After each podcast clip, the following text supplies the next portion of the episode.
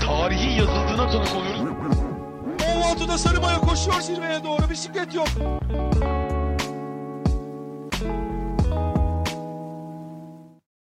Sokrates Podcast'e hoş geldiniz değerli izleyenler. Maç kasetinin 3. bölümünde sizlerle birlikteyiz.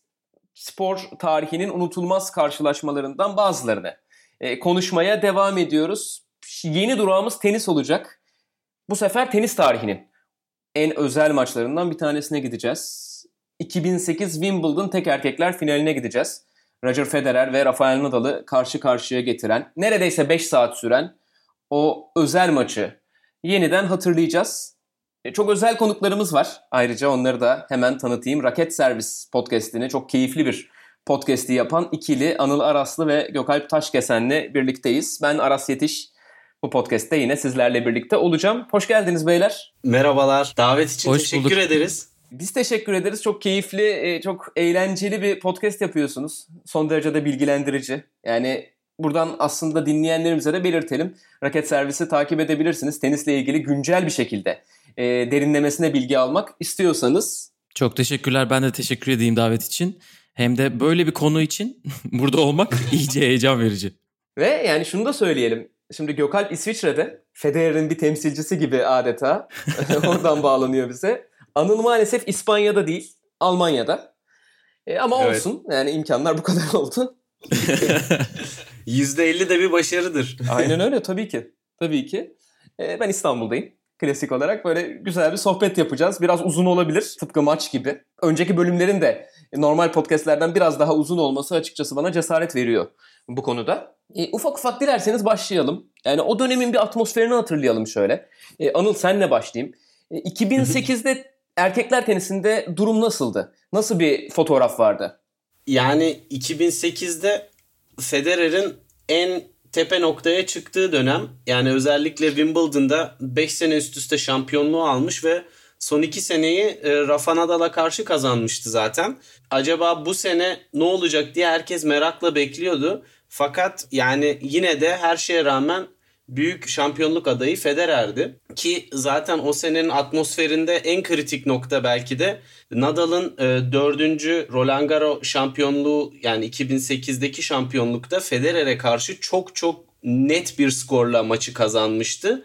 Ve bu bu final öncesi hani diğer maçların hepsinden sonra herkes bu finali bekliyordu. Acaba ne olacak bu sene diye. İşte iki kere finalde karşılaştılar. Federer kazandı. 2008'de e, Roland Garros finalindeki o hezimet Federer'i ne kadar etkiledi ve maça başlarken nasıl olacak diye herkes merakla bekliyordu. Yani artık işlerin Federer'in bir numaralığının gidip gitmeyeceğinin netleşeceği bir maç. Esasında dünya bir numarası maçı gibi bir e, noktası vardı burada. Hemen sonrasında bir numara olmasa da durum böyleydi. Tabii Rafael Nadal çıkış yaptığı noktada kariyerine işte 19 yaşında ilk Fransa açık şampiyonluğunu kazandı ve çok erken bir şekilde o toprakçı damgasını üzerine aldı diyelim. Ee, başka zeminlerde de önemli galibiyetler aldı. Mesela Federer'i ilk kez sert kortta yendi Miami'de ama genel olarak bir toprakçı damgası vardı üzerinde. O 2006'da Wimbledon finaline çıkarak işte bunu biraz dağıttı. 2007'de tekrar çıktı.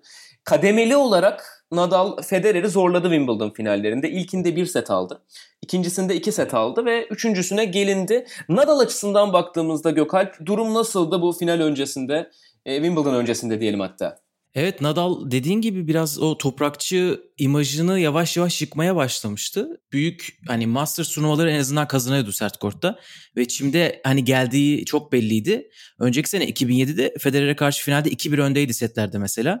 Ve o finali kaybettiğinde çok çok büyük psikolojik dağılmış. Yani soyunma odasında bayağı ağlamış. O finali nasıl kaybettim hani ben kaybettim diye. E, hatta ondan önce 2006'da tek set kazandığı zaman bile basın demeci var. E, şey diyor işte iyi oynadığım zaman Federer'i zorlayabildiğimi gördüm. Çünkü orada iki set tiebreak işte birisini Nadal birisini Federer kazanıyor. Ta o zamandan beri, beri başlıyor aslında aklında bu. Evet ben başka zeminlerde de bir şey yapabilirim. Ama 2008 e, Nadal'ın en iyi toprak sezonu aslında. Çok çok formda geliyor. Yani bir tek Roma'da ilk turda Juan Carlos Ferrero'yu kaybediyor. Onun dışında sanırım 3 turnuva kazanıyor. Roland Garros'u zaten kazanıyor. Ve Roland Garros'tan sonra hani hiç Roland Garros'u kazandım mutluluğunu bir kenara bırakıp atlayıp Queens'e geliyor ve o zaman Queens'le o ilk çim turnuvasıyla Roland Garros arasında öyle bir hafta yok şu anda olduğu gibi. Ya hemen ilk günden gidiyor oraya ve bir an önce ben çimde antrenman yapmak istiyorum diyor. Aslında ya kafayı gerçekten Wimbledon'a takmış o sene ve o formunu çime taşımak için açık, açık açıkçası sabırsızlıkla bekliyor Nadal o sene. Ki yani çocukluğunda yaptığı röportajlar var Nadal'ın. Hani yine o notu düşeyim. Bir toprak kort oyuncusu, bir Fransa açıkla kariyerini başlatan oyuncu. Grand Slam başarıları anlamında ama hayalinin hep Wimbledon kazanmak olduğundan bahsediyor Rafael Nadal. E, bu da enteresan notlardan birisi aslında onun kariyerinde geriye dönüp baktığımızda. Bir anlamda hayalini gerçekleştirmeye geliyor 2008 turnuvasına Federer'e karşı oynadığı o iki tane çok iyi finalden sonra. Ve oyuncular için turnuva başlıyor. Tabii şunu da söyleyelim. 2008 Roland Garros, Tony Nadal'ın gözünde Rafael Nadal'ın oynadığı en iyi Grand Slam turnuvalarından bir tanesi. Gerçekten kusursuza çok yakın turnuva boyunca. Aynı kusursuzluğu finalde de gösteriyor. Roger Federer'e neredeyse oyun vermiyor final maçında. E, bu maçın psikolojik etkilerinden Federer sonradan bahsediyor zaten. Yani Nadal'a karşı o finali kaybetmenin Wimbledon finalini de etkileyecek oluşundan bahsediyor. Ama e, siz o noktada nasıl görüyordunuz durumu? Ya b- bence hani bu Nadal'ın aşama aşama çimde Federer'e karşı yükselmesi öbür tarafı da vardı işin. Madalyonun öbür yüzü Federer de Nadal'a karşı aslında toprakta adım adım yükseliyordu. 2006'da yani 2005, 6 ve 7'de Roland Garros oynadıkları maçların hepsinde birer set kazandı Federer. Ve arada işte Hamburg'da Nadal'ı 6-0'la böyle yendiği bir toprak maçı var. 2008'de o bekleniyordu hani Federer'den. 5 setlik maçın Roland Garros'ta oynanması sanki bekleniyordu. Bu olmayıp bunun tam tersi olunca bence Wimbledon'a çok büyük tereddütle gidildi. Ki bir de o sene Federer'in kazandığı gerçekten hiç kayda değer bir turnuva hani böyle 500 binlik bir turnuva yoktu. Grand Slam'i bir kenara bırakalım. Onun için bence psikolojik olarak hani hem çok etkilenmiştir diye düşünüyorduk Federer için hem de gerçekten etkilendiğini gördük. Biraz kurallarında böyle çok büyük isimlerle oynamadılar finale kadar. Onun için finale kadar biz de açıkçası ne olduğundan ne olacağından habersizdik. Yani bence de Federer'in o seneki turnuvada en büyük rahatlığı yani Leighton Hewitt haricinde hiçbir seri başıyla turnuvada karşılaşmadı ki öncesinde hani Gökalp'in de dediği gibi yani kayda değer hiçbir başarısı yoktu. Avustralya'da e, yarı finalde Djokovic'e elendi ki Djokovic o zaman bu kadar ön planda değildi henüz. Onun da ilk böyle çıkış yakaladığı dönemler. Dolayısıyla acaba mı sorusu bence çok daha fazla artıyordu ama Roland Garros'daki hezimet diyelim Federer açısından ve Nadal'ın büyük dominasyonu bence Wimbledon'a gelirken ki en büyük e, sallantı konusunda e, belirtiydi. Ama aynı zamanda yani Mardy Fish gibi bir isme bile e, o sene Indian Wells'te Roger Federer elendi. Hani yani sadece büyük isimlere karşı değil daha sürpriz sayılabilecek mağlubiyetlerin sayısı da bu sene artmıştı. Fakat yani Federer 65 maçtır Çim'de mağlubiyet yüzü görmedi. Yani son 65 maçının hepsini kazandı ve bu da tabii ki inanılmaz bir istatistik ve rekora gidiyor. Hani bu açıdan Björn Borg'un 5 şampiyonluğunu egale etmesini birçok e, kişi o dönem Federer hayranı olan çok fazla destekliyordu. Pardon geçmesini zaten egale etmişti. 6. E, şampiyonlukla tarihte bunu başaran tek kişi olacaktı 6 kez üst üste Wimbledon'ı kazanmak. Bence bunun da çok ciddi bir baskısı olmuştur. Yani e, psikolojik olarak. Turnuvaya zaten Hale'de kazanarak geliyor Federer. E, onun için hani haber değeri yok aslında. Bu e, turnuva şampiyonluğunun zaten sürekli olarak yaptığı şey. Turnuvada da sizin bahsettiğiniz gibi yani çok sıkıntılı bir rotadan ilerlemiyor. İşte dördüncü turda Leighton var. Eski bir şampiyon. Çeyrek finalde Mario Ancic var.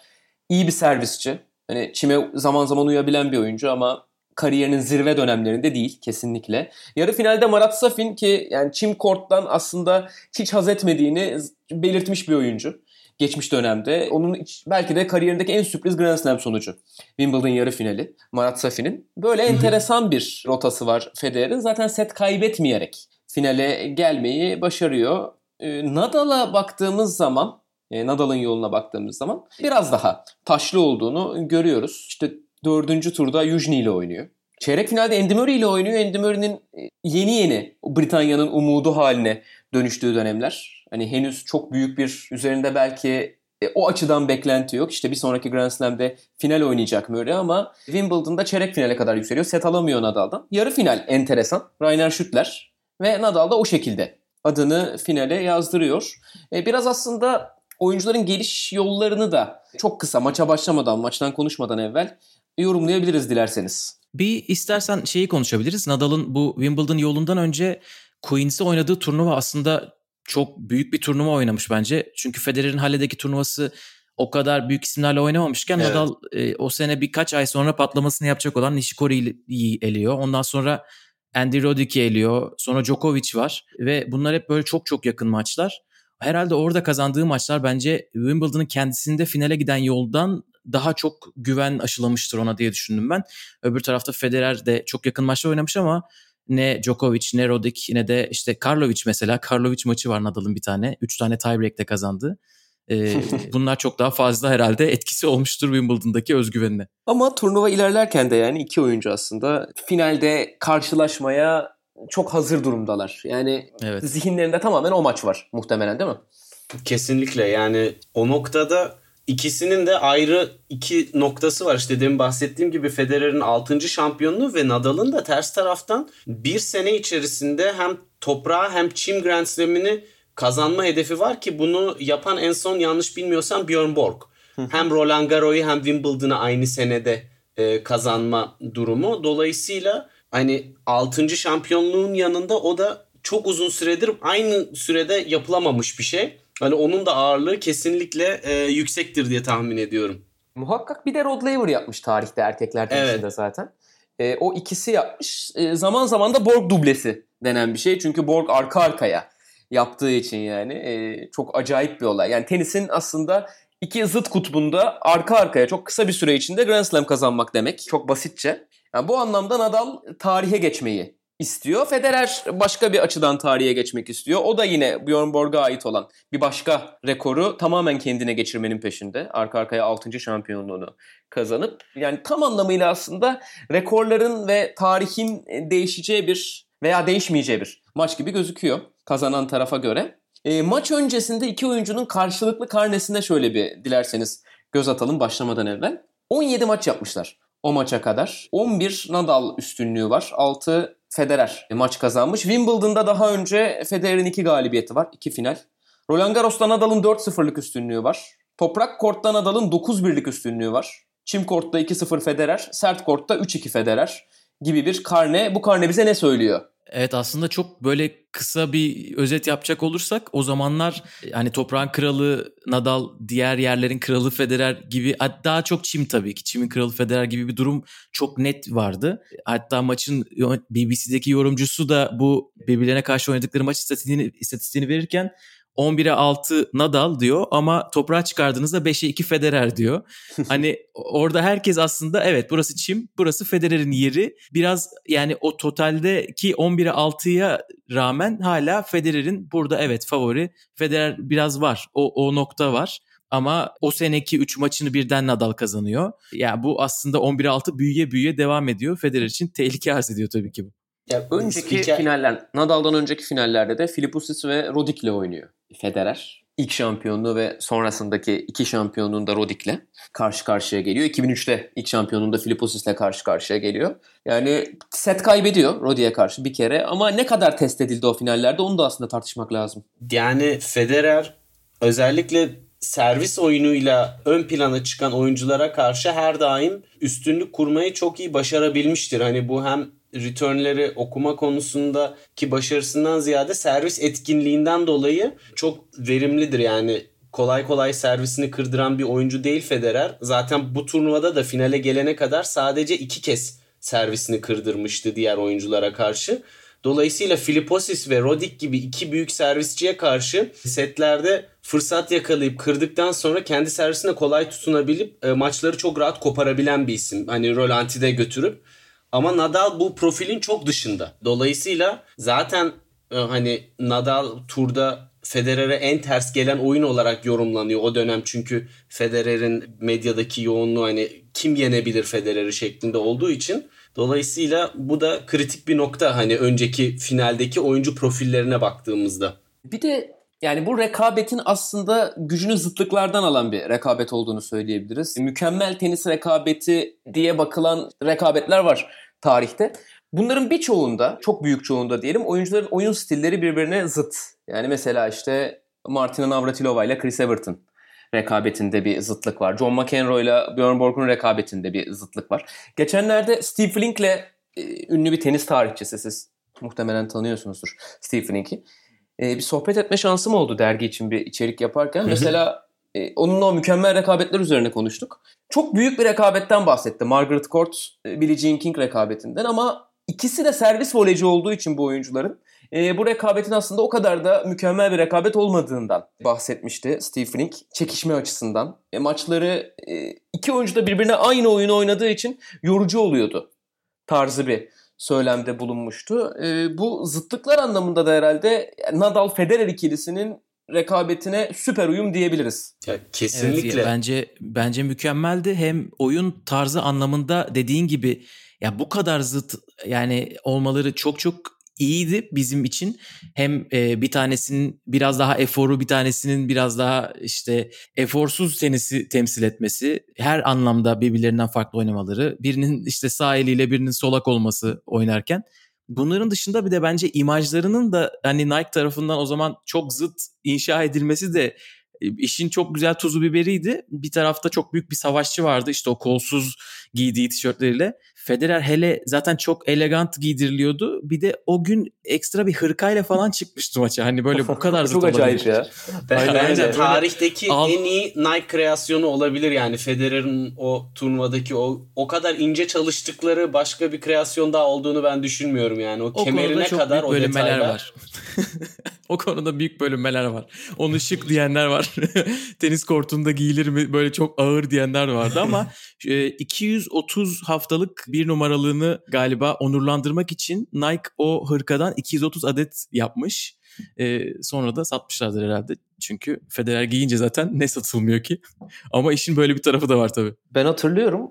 Ya o model olmasa da o hırkaların benzeri geldi Türkiye'ye sonra. E, satıldı hatta Beyoğlu'ndaki Nike mağazasında olması lazım. Çok pahalıydı. Ben yani çok istememe rağmen o yatırımı yapamamıştım o dönem. E, Şimdi bayağı 20 bayağı katına filan çıktı. satılır herhalde. Ya şimdi zaten hani almaya kalksak herhalde bir servet vermemiz gerekir. Çok güzel açıkladın Anıl o zıtlıkları açıkçası. Yani genel anlamda yani birçok şeyleri zıt bu iki oyuncunun. Fiziksel görüntüleri, oyun stilleri, dominant elleri, işte giyim kuşamları. Zaten maçın hikayesini merkeze alarak aslında ikilinin rekabetini anlatan 2018 yapımı belgesel var. Strokes of Genius. Çok güzel bir belgesel. İzlemeyenler varsa tavsiye edelim buradan. Belki o anlamda bir eh, küçük faydamız olur diyelim. Orada Pierre Paganini çok güzel bir şey söylüyor. E, Federer savaşmayı bilen bir sanatçı, Nadal ise sanatı da bilen bir savaşçı diyor. Yani bu bence çok güzel iki oyuncuyu özetleyen benim duyduğum en iyi tanım cümlelerinden birisi. Evet ben ben o filmi izledim bu podcast hazırlanırken. İki tane not çıkardım. Bir tanesi bu. Benim hayatımda duyduğum en güzel sözlerden birisi. Yani çok çok güzel özetliyor. E, Nadal da biz seneler geçtikten sonra yani seneler geçtikçe iyice gördük. O işin sanat tarafını yani e, slice'ını çok geliştirdi mesela son senelerde. Drop shot işte yani el, aslında ki elinde hissiyatı çok kuvvetli. Ama onu çok az görüyoruz biz. E, Federer'de de öbür taraf. Hani böyle maçı bırakmama savaşçı ruhu. O da onu çok iyi gösterebiliyor. İş, yani işler zorlaştığı zaman, zaman tabii ki. Ben de katılıyorum. Çok güzel söylemiş. Diyelim ve artık isterseniz ilk servis atılsın. Öyle Tamamdır.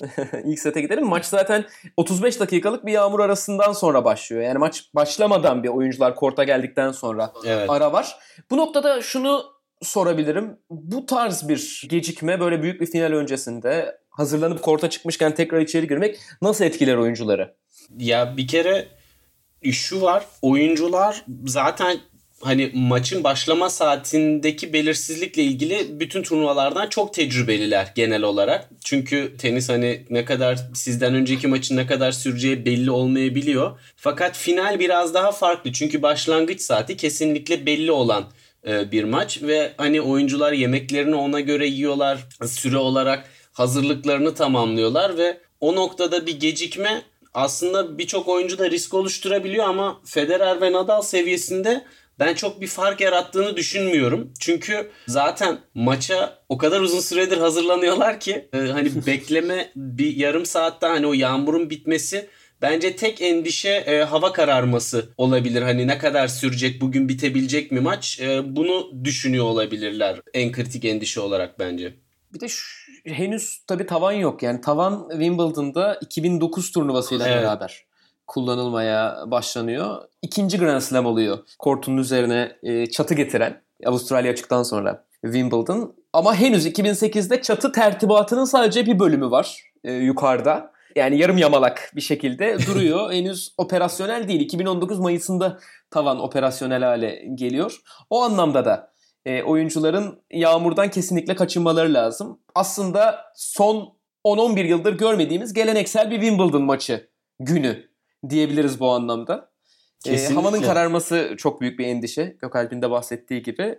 E, ama bu şartlar altında geliyor oyuncular korta ve maç başlıyor. Nadal maça güçlü başlayan taraf Anıl. Evet 14 rallilik bir oyunla vuruşla başlıyor maç ve o, o ilk sayıyı Federer'in servisinde Nadal alıyor ve bence hani oyunu kaybetse de direkt ilk sayıdan ben buradayım mesajını Federer'e veriyor. Ve zaten hani Federer tamamen Roland Garros finalinden sonra ciddi bir güç sorgulaması yaşamıştır. Ve ondan sonra bütün turnuva boyunca çok rahat ilerlerken sadece iki kere servisini kırdırmışken ilk sayıdan bu kadar kritik e, bir rally'yi kaybetmesi acaba mıyı ilk dakikadan itibaren vermiştir bence. Ki zaten ondan sonra da gördüğümüz şey Rafa kendi kitabında da bundan bahsediyor. Maça çok net ve bariz bir taktikle çıkıyor. O da forehand çaprazla ve Be- Federer'in backend'ine derin vuruşlarla onu yıpratmaya yönelik. Böyle de başlıyor maç ve yani ilk oyunu kaybediyor Nadal ama ikinci oyundan itibaren yaklaşık 14 veya 15 servis üst üste yanlış saymadıysam sadece Federer'in backhand tarafını atıyor. Ve e, bundan da sonuç alıyor. Yani inanılmaz bir başlangıç oluyor. Federer o noktada çözüm üretmesi gerekiyor ve işler ilk sette e, çok daha net bir şekilde ilerliyor ilk başlangıçta. Çünkü Nadal servisi erken kırıyor. Yani durum 2-1'deyken kırıyor ve hani bu noktada bence şu çok önemli. Federer Nadal'ın bu taktiğine karşı çözüm üretmekte başlangıçta zorlandığı için biraz da e, kritik kırılma puanlarında gerginlik yaşıyor ve hani basit hatalarla esasında kritik sayıları kaybediyor. Yani Nadal sayıları o derin backend'e gitme taktiğiyle alsa da kritik anlarda sayıları kazanan taraf Nadal değil daha çok Federer'in vermiş olduğu noktalarda çok fazla oluyor. Özellikle ralliler uzadıkça maçın başlangıcında. Ve tabii kafalarda ne olursa olsun dolaşan soru işaretleri muhtemelen e, Federer cephesinde. Yani 1 saat 48 dakika kortta kalabiliyor Fransa açık finalinde. Tabii ki aynı şey değil. E, Federer'in Wimbledon'daki aurası bambaşka. E, Roland Garros'ta hala daha ilk şampiyonluğunu e, kazanabilmiş değildi ve devamlı Nadal engeline takıldığı bir dönem. Yani aslında belki Fransa açık özelinde Rafael Nadal'a kaybetmek Federer'i o kadar örselemeyecekken o maçın 1 saat 48 dakikada bitmiş olması çok ciddi bir etki. Sadece 4 oyun alabildiği 6-1, 6-3, 6-0'lık bir maçın hemen ardından buraya geliniyor. Bunun psikolojik etkisini Federer'in ruh halinde maçın ilk setinde hissettin mi sen Gökalp? Evet bence ya bir sıkıntı olduğu belliydi. Biraz açıkçası böyle stratejisi yokmuş gibiydi Federer'in. Nadal çok netti yani kafasında. Ya açıkçası bunu hani geriye dönüp baktığımızda daha rahat söyleyebiliyoruz. Çünkü Federer'in e, aslında stratejik anlamda çok bence gelişmesini sağlayan en büyük maç bu maç. Hani ondan sonra biraz daha Federer'in böyle taktik planını nasıl geliştirdiğini hele özellikle 2015 sonrası neler yaptığını, neler hedeflediğini gördük. Bu maçta o yoktu. Özellikle ilk iki sette. Backendlerine özellikle bakarsanız ben de hani maçı tekrar izledim. Bu arada herkese tavsiye ederim. Böyle bir 5-6 saatiniz varsa e, çok güzel. hani böyle o kadar heyecanlı olacağını hiç düşünmemiştim. İlk iki sette gerçekten hani backendlerin bir amacı yok gibi çoğu ortaya gidiyor. Hani şu anda çok net Nadal'ın backend'ine gider Federer. O zaman pek öyle kararlı değilmiş ya da Nadal'ın spiniyle başa çıkamayacak mı gibi miydi? Yoksa o Fransa açık finalinin psikolojisinden mi biraz daha böyle çekingen vuruyordu toplara? Bilmiyorum ama ilk zaten ilk iki sette bunu çok gördük. İlkinci setin başı hariç diyelim.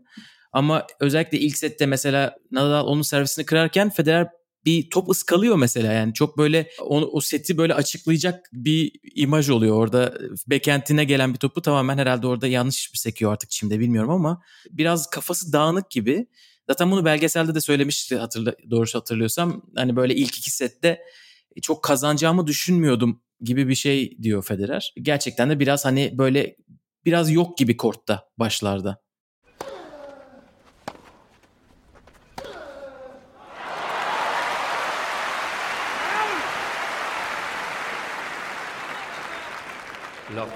What a rare sight it is to see Roger Federer getting frustrated. Nadal's the reason. He's an absolute rock from the back of the court, Nadal.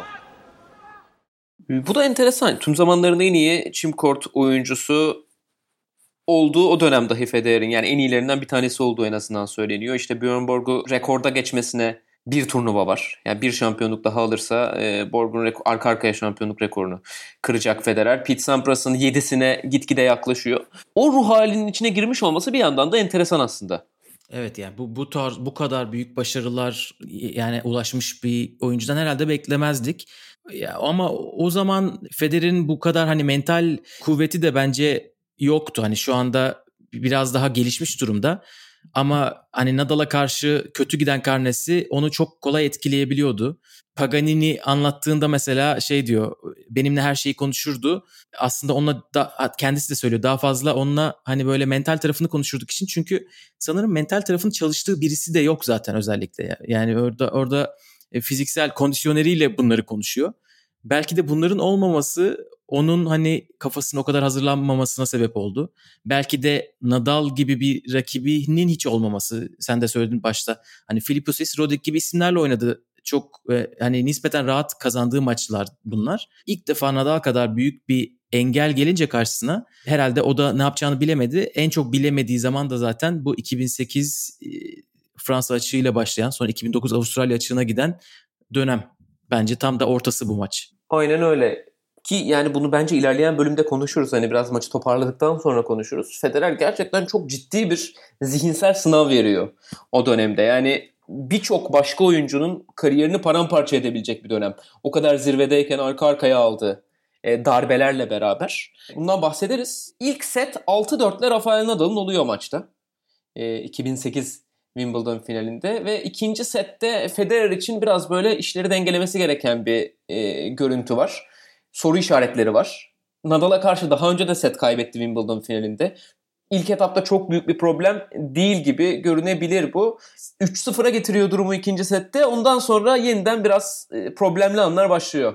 Yani ben açıkçası ilk seti bittikten sonra e, şu izlenimi kazandım ikinci setin başlangıcında. Federer kafasında bir tazelenmiş ve çok diri bir şekilde ikinci seti çıkmış gibi. Zaten çok rahat bir servis oyunu at, alıyor ve ondan sonra zaten ilginç olan Rafa'nın servisini ilk sette de çok sallamıştı.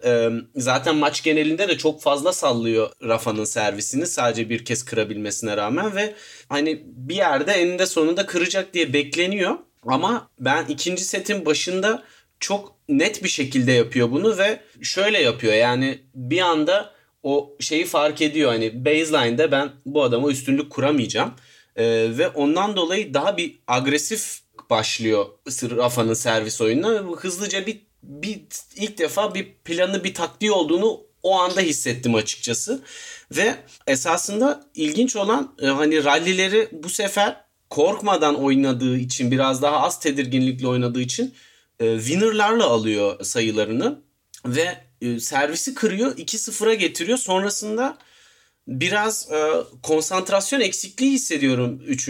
oyunda ve 3-0'a getiriyor ama yani 3-0'a getirdiği halde bile e, yani 40-30'la alıyor.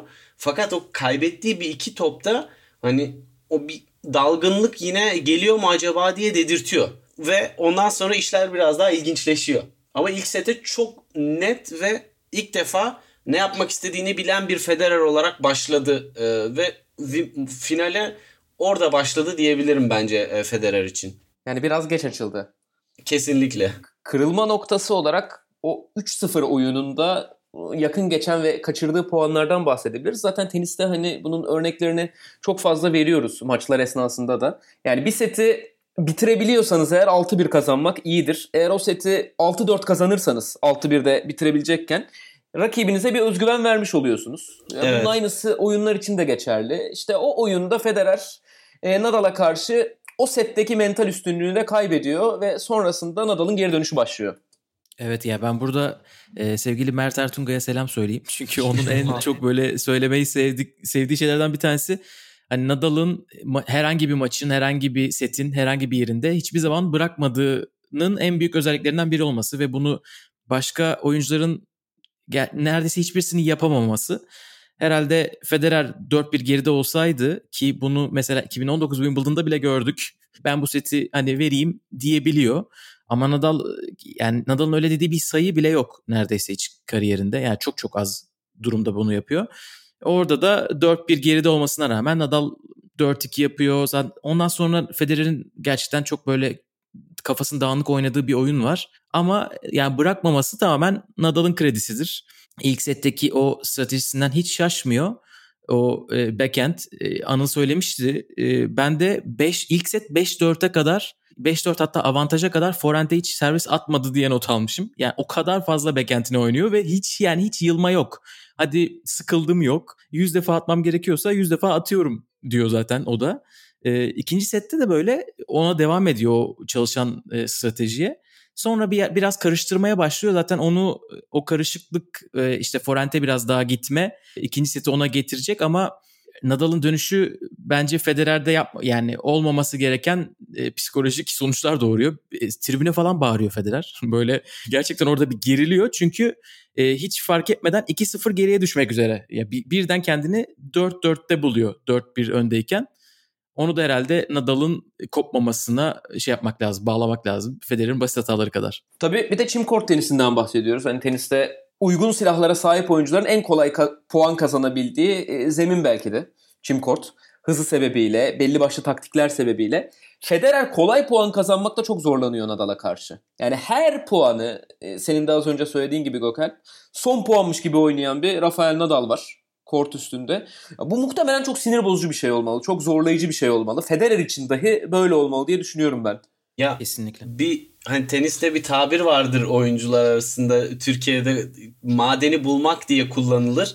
Hani böyle bir oyuncunun bir zayıf tarafını e, keşfettiğiniz zaman devamlı oraya yüklenirsiniz ve hani madeni buldum ben buradan yürürüm derseniz Nadal zaten hani maçın başından beri bu mentaliteyle hareket ediyor ve Federer bunu yani hani taktik ustası büyük bir deha ve bunu bir türlü çözemiyor. Yani o kadar saçma sapan backhand return'ler yapıyor ki hani dünya bir numarası e, değilmiş gibi e, bir izlenim uyandırıyor. O kadar kötü backhand return'ler yapıyor ki maç ilerledikçe bu biraz değişecek. Hani devamında konuşuruz ama bir yerde e, çözüm bulmaya başlıyor.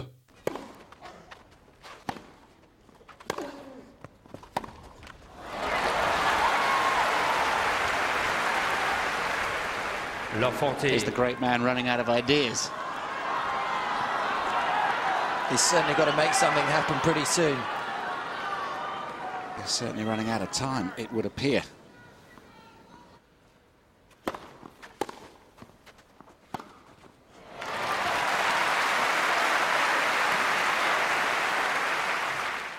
Bu taktik meselesinden bahsettin. Aslında güzel bir mesele bu. Federer'le alakalı bundan e, belki bahsedebiliriz. Çok fazla kariyerinin ilk bölümünde e, çok büyük bir üstünlük kurdu. Hani test edilmedi demek haksızlık olur. Çünkü gerçekten Federer de iyi bir jenerasyona karşı çıkış yaptı. Kendi akranları arasında dünya bir numarası olmuş. Grand Slam kazanmış. İşte Hewitt gibi, Roddick gibi, e, Ferrero gibi oyuncular vardı. Yani ben o hani zayıf dönem argümanlarını kendimce çok tutarlı bulmuyorum açıkçası. Çünkü her oyuncu döneminde karşılaşabileceği rakiplerle karşılaşır. Ama Federer onlara karşı çok büyük bir üstünlük kurdu. Pek evet. fazla maçlar içinde taktik değiştirmeye ihtiyacı dahi olmadı. Yani evet. bu anlamda acaba egosuyla bir çatışma içine girmiş olabilir mi? Yani ben taktik değiştirmeden de bu maçları kazanabilirim diye Nadal'a karşı e, problem yaşadığı maçlar sizce var mıdır?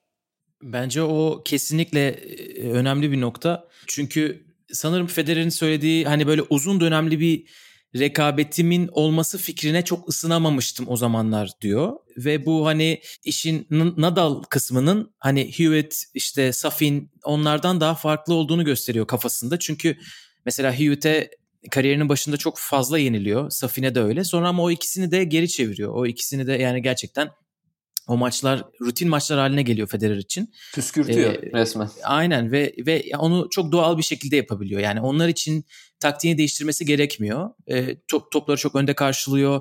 Çok fazla winner'a gidebiliyor bitirici vuruşa. Nadal herhalde ona böyle cevap veremediği sorular soran belki ilk isimdir. Nalbandian mesela kariyerinde çok çok sorun yaratıyor bir kısmında. Ama Nadal kadar sürekli bir şekilde herhalde bunu yapan yok. Ya bunun da en büyük sebebi yani Nadal'ın stilinin önceden hiç oynanmaması yani spinde yeni bir çığır açmış bir gençten bahsediyoruz o zaman için. Bir de solak Federer'in tekel bekentine yani omuzuna kadar yükselen toplar atıyor. Bunun hani çimde öncesinde baş edebiliyor ama yavaş yavaş baş edemediğini de görüyoruz. Hani bence kafasında şeydi o zaman topraktaki maçları ben zaten kaybediyorum bu çocuğa karşı ama diğer maçları en azından kazanıyorum oyunumla hiçbir şey yapmadan diyor ve e, gerçekten de kazanıyor. Yani önemli maçları en azından Wimbledon finallerini kazanıyor. Herhalde ondan dolayı çok böyle bir ekstra taktik arayışına en azından 2008 finalinde gitmemiş gibi gözüküyor. En azından ilk iki set diyelim çünkü bence işler biraz üçüncü sette değişecek ama e, ilk iki sette hiç böyle bir şunu yapayım Nadal'a karşı gibi bir şey görmüyorsunuz. Hatta ben servis istatistiklerine de baktım. Nadal'ın nere- yani backhand'ine özellikle oynamış mı diye. Çünkü şu anda backhand'e gidiyor bütün topları Federer'in genelde. Yani neredeyse %50-50. Federer çok karışık oynamış o maçta. Aslında normalde karışık oynamak iyidir ama rakibinizin Nadal'ın forehand'i gibi gibi inanılmaz güçlü bir silahı varsa backhand'ine gitmek istersiniz. Federer o gün öyle yapmamış özellikle ilk setlerde. Onun için bence o hala o böyle bir taktik geliştireyim moduna girmemiş bu maç öncesinde e, Nadal karşısında. Ve setlerde durum 2-0'a geliyor. Nadal'ın yaptığı geri dönüşle beraber ikinci sette e, maçtaki tek servisini kırıyor Federer. Bunu da söyleyelim. Yani e, eline geçen 13 fırsatta sadece bir kez servis kırıyor ki bu servis kırma puanlarını kullanamama durumu zaman zaman kronikleşmiş bir problem Federer için. Bu maçta da tezahür ediyor açıkçası. 2-0'a geliyor skor Nadal'ın geri dönüşüyle beraber. Yani bu anlamda artık taç el mi değiştirecek? Yeni bir Wimbledon şampiyonumuz mu var? Ee, sorular, sorular. Herkesin sorduğu sorular. Ee, sizin kafanızda neler var? Benim kafamda ikinci setin sonunda e, kesinlikle e, hava durumu var. Çünkü rüzgar çok artıyor ve rüzgar arttıkça esasında yani oyun zaten şuna gitmişti artık evriliyor. Baseline'da kaldıkça Rafa uzun rallileri daha çok kazanmaya başlıyor. Federer daha çok agresif oyuna ve kısa sayılara e, ihtiyaç duyuyor. Ve hani şeyi düşünüyordum. Rüzgar arttıkça ra- uzun rallide hata yapma olasılığı daha fazla oluyor. Acaba bu e, nasıl etki edecek e, Nadal'ın durumunu? Çünkü sayı ne kadar uzarsa bir anlık bir o kadar milimetriktir ya hani tenis vuruşlarındaki ayarlamalar. Rüzgar burada hakikaten fazlaca etkili olmaya başlıyor. Yani daha yağmur aşamasına gelmeden ve e, hani biraz ikinci setin son oyunlarında bu biraz Rafa'yı zorluyor. Hani tabii ki 4-1'den geriye geliyor ve 5 oyun üst üste kazanıyor çok e, dominant bir şekilde. Ama hani hep bu set sonlarında bir sonraki set için hafif bir teaser hissedersiniz. Yani biraz öyle bir duygu ve tat bırakmıştı bende. Yani herkes için herhalde bu maçı özel kılan sekansta aslında başladı. Yani Nadal için işte 2-0 çok büyük bir avantaj. Ee, tek taraflı görünen bir maç. ikinci setteki o direnişe rağmen ama eğer 3-0 bitse hatta belki 3-1 bitse diyelim alelade bir final olarak hatırlayacaktık. Yani Nadal'ın ilk Wimbledon şampiyonluğunu getirdiği için kredi alacaktı maç sadece. Ama bir yandan tarihin en iyi maçına veya maçlarından bir tanesine dönüştü bu mücadele. O da 2-0'dan sonra başladı. Ee, nasıl bir set, nasıl bir başlangıç Federer'den 3. sete? Bence Federer çok daha kararlı başladı bu seti. Yani ikinci setin başındaki o 4-1'lik ö- öne geçiş bana biraz tesadüfi gelmişti. Hani Federer'in böyle e, gerçekten kabiliyetiyle kazandığı puanlarla doluydu ama üçüncü set biraz daha hani taktik kokuyordu. Böyle çok fazla fileye çıktı. Özellikle ilk oyununda galiba neredeyse her sayı fileye çıktı. Hani ben bunu yapacağım e, kafasında o ki planı hani karşıya ve bütün tribüne gösterdi. Return'de de çok ataktı. Zaten daha Nadal'ın sanırım ikinci oyundan itibaren servis kırma sayıları görmeye başladı Federer ki bunu hani çok sıklıkla yapmıyordu ilk iki sette. Ama e, hani burada şey söylemek lazım. Bir, bir korkuttu Nadal bizi. Bir bir de o Evet. üçüncü setin başında bir yere düştü. E, zaten sağ dizinde bir sıkıntı var mı acaba deniyordu ama sonra orada bir şey hani yokmuş. O, o çok çabuk geçti Allah'tan. Ama e, bence Federer çok daha kararlıydı. E, çok daha atak oynadı. Onun için de hani fırsatlar yakaladı. Değerlendiremese de diyelim. Gökalp o çok kısa o sakatlık anından sonrası için yani benim dikkatimi bir şey çekti. Hani Nadal 3'te çok kısa bir şekilde işte fizyoterapisti geliyor bir dizini kontrol ediyor filan devam ediyor. İşte o demiş olduğun nokta çok doğru. Hani Federer'in kafasında net bir taktik var ve ileriye gidiyordun. Çünkü diz konusunda hani bir sıkıntı yaşadığı zaman bir oyuncu rakip genellikle taktiksel olarak onu zorlamak için kortu açarak oynar. Geniş açılarla oynar. Federer hiç böyle bir şey yapmadı. Ben mesela o anda otomatikman onu bekledim. Yani kortu açacak, dizin yıpranmasını sağlayacak e, gibi bir taktikle ama o o kadar net e, bir oyunu vardı ki bu servis voleyle ve işte zaten etkili servisiyle hiç şey yapmadı. Yani şimdi o diz sakatlığı kısmına hiç yüklenmedi ki zaten hani sonraki oyunlarda bu diz probleminin e, çok da önemli olmadığını e, ralliler uzadıkça anlamış olduk. Servis de Federer adına çok daha değerli toplu çalışmaya başlıyor. Evet. Üçüncü setinde. Ee, belki de zaten onun en önemli güç noktası. Çim kort üzerinde. Ee, servisin çalışması da Nadal'ın artık eskisi kadar fazla faktör olamaması ilk iki setteki kadar muhtemelen değişikliklerden bir tanesi. Benim en sevdiğim e, kısım bu setle alakalı. Herhalde bu yağmurun yavaş yavaş geldiğini belli etmesi. E, 3-2'de şimşek sesleri geliyormuş. hani ben YouTube'da izlerken çok duymadım ama bir de sanırım YouTube'da ben izledim tekrar maçı şimdi Wimbledon'ın kanalında. Normale göre çok daha açıkmış renk. Hani normalde çok daha griymiş. Öyle bir gerginlik var ve hani biz bu gerginliği bir daha hiç yaşayamayacağımızı bilmek benim iyice Evet. kafamda böyle maçı büyüttü. Çünkü gerçekten geriliyorsunuz. İnsanlar yağmurluklarını giymeye başlıyorlar. Herkes havaya bakıyor. Maçı bırakanlar var, havayı izleyenler var. Hani ne zaman ne olacak acaba diye. Bir yandan da e, Federer break puanları yakalıyor. Karşı taraftan Nadal yakalıyor. Acaba yağmur gelecek mi? Gelecekse kim önüne girecek yağmur arasına? Bu sorularla birlikte o son sekansa girilince yağmur öncesi maç iyice bir ekstra drama etkisi de geliyor oraya. Ve inanılmaz bir yağmur. Yani öyle böyle bir yağmur değil. O inen yağmur çok çok çok kuvvetli bir şekilde geliyor. İlk yağmur. 80 dakikalık bir araya gidiyor maç zaten. Ee, üçüncü sette. Bu yani önde olan oyuncu için her zaman uzun araların veya uzun olmasa da araların içeri gitmenin, soyunma odasına gitmenin bir momentum kırıcı olduğundan bahsedilir. Ee, bir problem teşkil edebileceğinden bahsedilir. Nadal tabii ki zihnen çok güçlü bir oyuncu ama o da bir şeyler hissetmiştir muhakkak. Maç 2-0 iken bu uzun araya gidince. Ya bir de e, şu var yani bu araya gidildiği zaman saat 5'e geliyordu. Hani ne kadar yaz ayları olsa da e, Londra'dayız. Hani sonuç itibariyle topu görmek zaman geçtikçe iler e, zorlaşıyor. Ve hani birçok isim de Federer'e bu yağmur arasının ilaç gibi geldiğini e, söylüyor. Yani biraz tabii şu var. Orada Federer esasında bu ilk yağmur arasında hani yani setin durumu açısından gayet iyi bir konumdaydı. Çünkü yani Nadal servis atacaktı sonrasında. Yani o açıdan yağmur arasından geri dönmenin en kritik yanı sanırım servis atarak başlamak. Hani tekrardan o ısınma evresi ki hani aşağı yukarı yağmur arasının verildiğinden tekrar servis oyunun başlandığı arası böyle bir, bir buçuk saat civarı bir süre. Ve ısınma sırasında Nadal herhalde bir 50 kere filan e, servis atıyor oyuna başlamadan önce. Ki e, şey yap aman bir şey olmasın diye.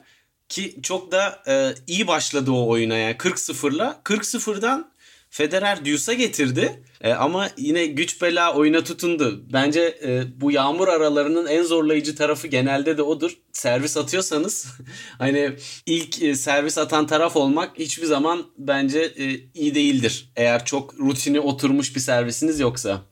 Bir de yağmur arasından hemen önce Nadal 3-3'te Federer'in servisine 0-40'ı görüyor. Ya onun hayal kırıklığıyla gitmiştir içeri. Çünkü onlardan birisini değerlendirse maçı 6-3 ile bitirebilirdi mesela. Tam 3 oyunluk zaman vardı yağmurdan önce.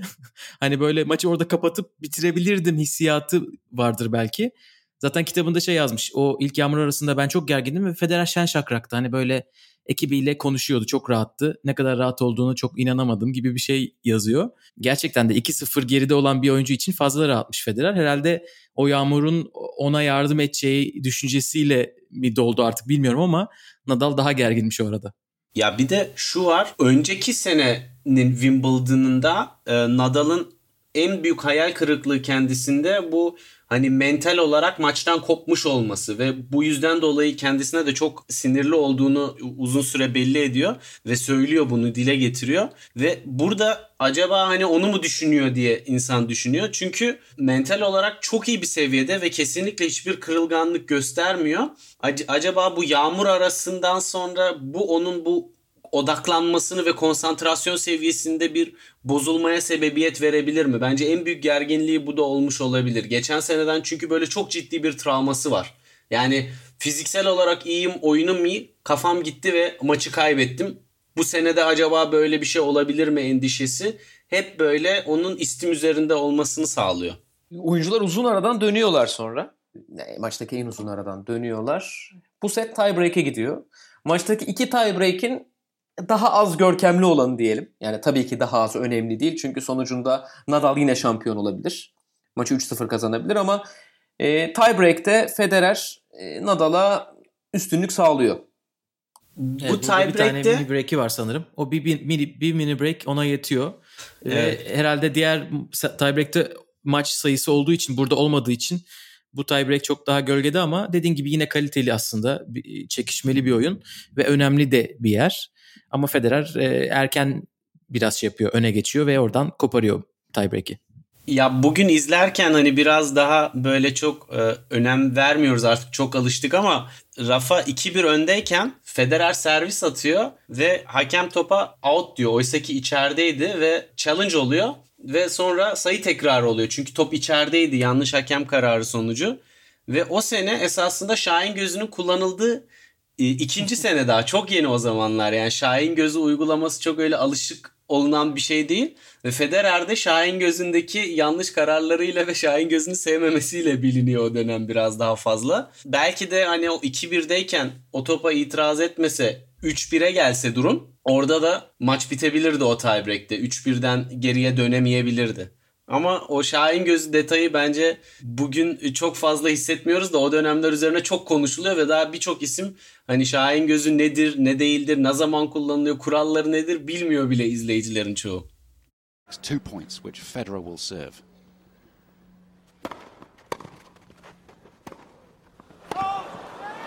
Oh, challenge. Challenge the corner left baseline. Ball was out. Nadal is staying on that side of the court, just wandering back over now. Forehand from Federer, Hawkeye says, was just fine. And the defending champion looks pretty upset about it because it may have been a winning forehand. Replay the point. 1-2. Ee, ve muhtemelen hani oyuncular Şahin gözüne şu an olduğu kadar güven de duymuyordur. Evet. Yani ne olursa olsun topun nereye düştüğünü söyleyen bir kameralarla izlenen bir sistem. E, tabii ki teknoloji birçok açıdan güvenilir ama yani çok kolay bir şey değil oyuncu psikolojisinde de ona alışmak. Zaten Federer'in de yıldızı hiç barışmadı.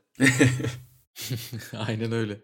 2-0 ve 2-1 arasında nasıl bir fark var? Yani ne olursa olsun scoreboard'a baktığınızda o bir seti kazandığınızı görmek. E, hep bu tırnak içinde bu şerhi düşüyorum. Yani Federer dahi olsanız veya işte Nadal dahi olsanız. Bu tip anlarda e, bu tip şeylerden güç alıyorsunuzdur muhakkak. Evet bence 3. setin özelliği hani Federer'in servis kırdırmadığı ilk set olması. Yani Federer açısından özellikle hani işler iyi iyiye gidiyor. Onun göstergesi hani kendi, en azından kendi servis oyununda momentum çok net onun tarafına geçmişti. Nadal için tabii ki hayal kırıklığı. Çünkü orada maçı bitirebilecek şeyleri var, şansları vardı. 3-3 oyununda sonra tiebreak'te e, daha iyi oynayıp bitirebilirdi. E, orada biraz daha maçın ortaya geldiğini gördük ama o kadar da net değildi tabii ki. Sonuçta 7-6'lık bir setten bahsediyoruz. Ucu ucuna kazanılmış bir setten. Ama Federer'in biraz daha servis oyunlarını iyi oynaması hani böyle evet bu maçın daha yolu var hissiyatını verdi orada bir. Daha önce oynadıkları en uzun maça dönmek istiyorum burada. 2006'da Roma'da oynadıkları bir maç var. 5 saat 5 dakika. Yani e, acaba o noktada Federer'in aklına böyle bir çok uzun maç oynama düşüncesi gelmiş midir? Yani bir benzerini oynar mıyız şeklinde düşünmüş müdür? Setler 2-1'e geldiğinde. Yani düşündüyse onun için pozitif bir düşünce olmuştur. Çünkü kazanmasının tek yol uzun maç oynamaktı. 2-0 geriden geleceği için. Belki Miami'deki maçlarını düşünmüştür. 2005'te 2-0'dan geri gelip yenmişti Nadal'ı. Ya da bilmiyorum artık bunları düşünmeyip dördüncü sete mi odaklandı. Ama uzun maç onun için iyi olacak çünkü başka çaresi yok gibiydi aslında Federer'in. Evet. Ya ee, ben de Gökalp'in dediğine servis anlamında katılıyorum. Hani servisini kırdırmadı ve hakikaten artık servisine daha rahat güvenerek kullanmaya ve oyunlarını kazanmaya başladı. Bu da bence sadece Federer'in kendisine değil seyircilerde de buna yönelik bir inanç oldu. Mesela bir ara Mirka'yı göstermişti yine televizyon ve hani set bittiğinde evet daha uzun bir süre buradayız bakışını ben Mirka'dan bile almıştım o anda yani. Diyelim ve dördüncü sete gelelim o zaman. Dördüncü set yani tabii ki yine çok kritik bir set ama biraz belki tiebreak özelinde konuşabiliriz dördüncü seti. Tenis tarihinin en iyi tiebreaklerinden bir tanesi deniyor. Hani tabii ki rakipleri var. Mesela 1980 finalinde John McEnroe ile Björn Borg'un oynadığı bir tiebreak var. Evet. 18-16 ile McEnroe'nun kazandığı tiebreak. Ama McEnroe dahi yani belki de içindeki puanların kalitesinden olabilir. Bu tiebreak'i biraz daha öne koyuyor. Ya bu tarihte çok tartışılan bir şey hakikaten yani e, gelmiş geçmiş en iyi maçlardan hangisi denildiğinde işte 1980 Borg McEnroe finali 2008 e, Fedal finali gibisinden ve bu tiebreak de biraz orada e, hani tarihte paralellik gösterme açısından e, muhteşem bir örnek oluyor çünkü hakikaten onun kadar uzun olmasa da onun kadar adrenalin seviyesi yüksek ve e, gergin bir tiebreak oluyor. Yani 12 sene önceki bir maçı izlerken bile insan hem heyecan hem drama hem gerginlik konusunda e, bu kadar şey hissedebilir mi? bu tiebreak'te insan hissediyor. Acayip bir tiebreak oldu gerçekten.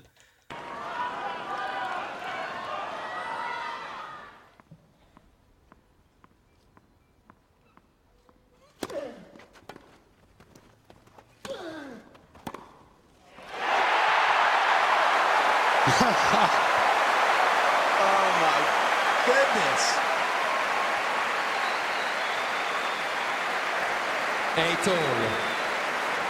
this out. The two best passing shots of the tournament, without doubt, have just taken place on the last two points. It's 8 all. What's next? Two championship points gone for Nadal. bir de o set ikisi de çok çok iyi oynuyorlar. Bence bu set maçın en iyi seti. Servis oyunlarında ikisi de servis kırma puanı görmüyor. Hani tiebreak'te artık kozlar paylaşılacak.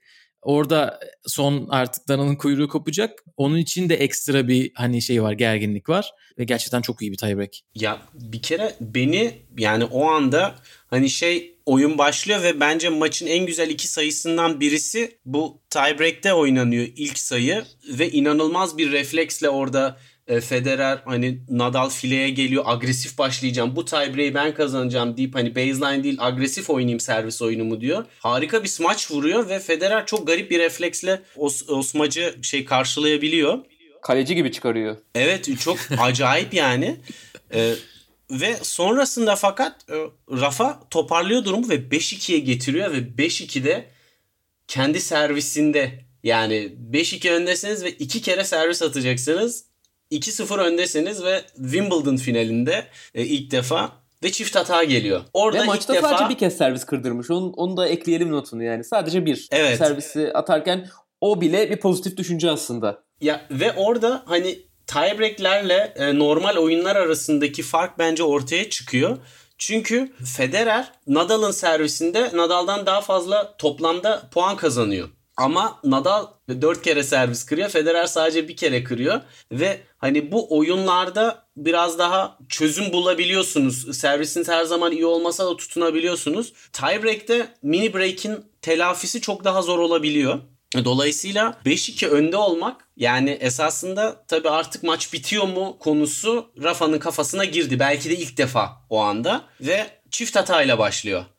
Yani 5-3'e getiriyor ama hala bir servisi daha var. Hani onu da alırsa yine hala e, mini break avantajını koruyacak. Fakat orada da Federer yani çok baskılı başlıyor. Çok derin bir inside out alıyor backend'inde. Ki hani bunu çok başarılı yapamamıştı o ana kadar e, serviste inside out'u almayı. Fakat e, orada çok başarılı oluyor ve 5-4'e geliyor ve işler çok değişiyor. Yani özellikle 6-5'teki rally benim için maçın yine en heyecan dozajı yüksek, en güzel sayısı demeyebilirim ama çok gergin bir andı. O 6-5'teki Rafa'nın servisinde.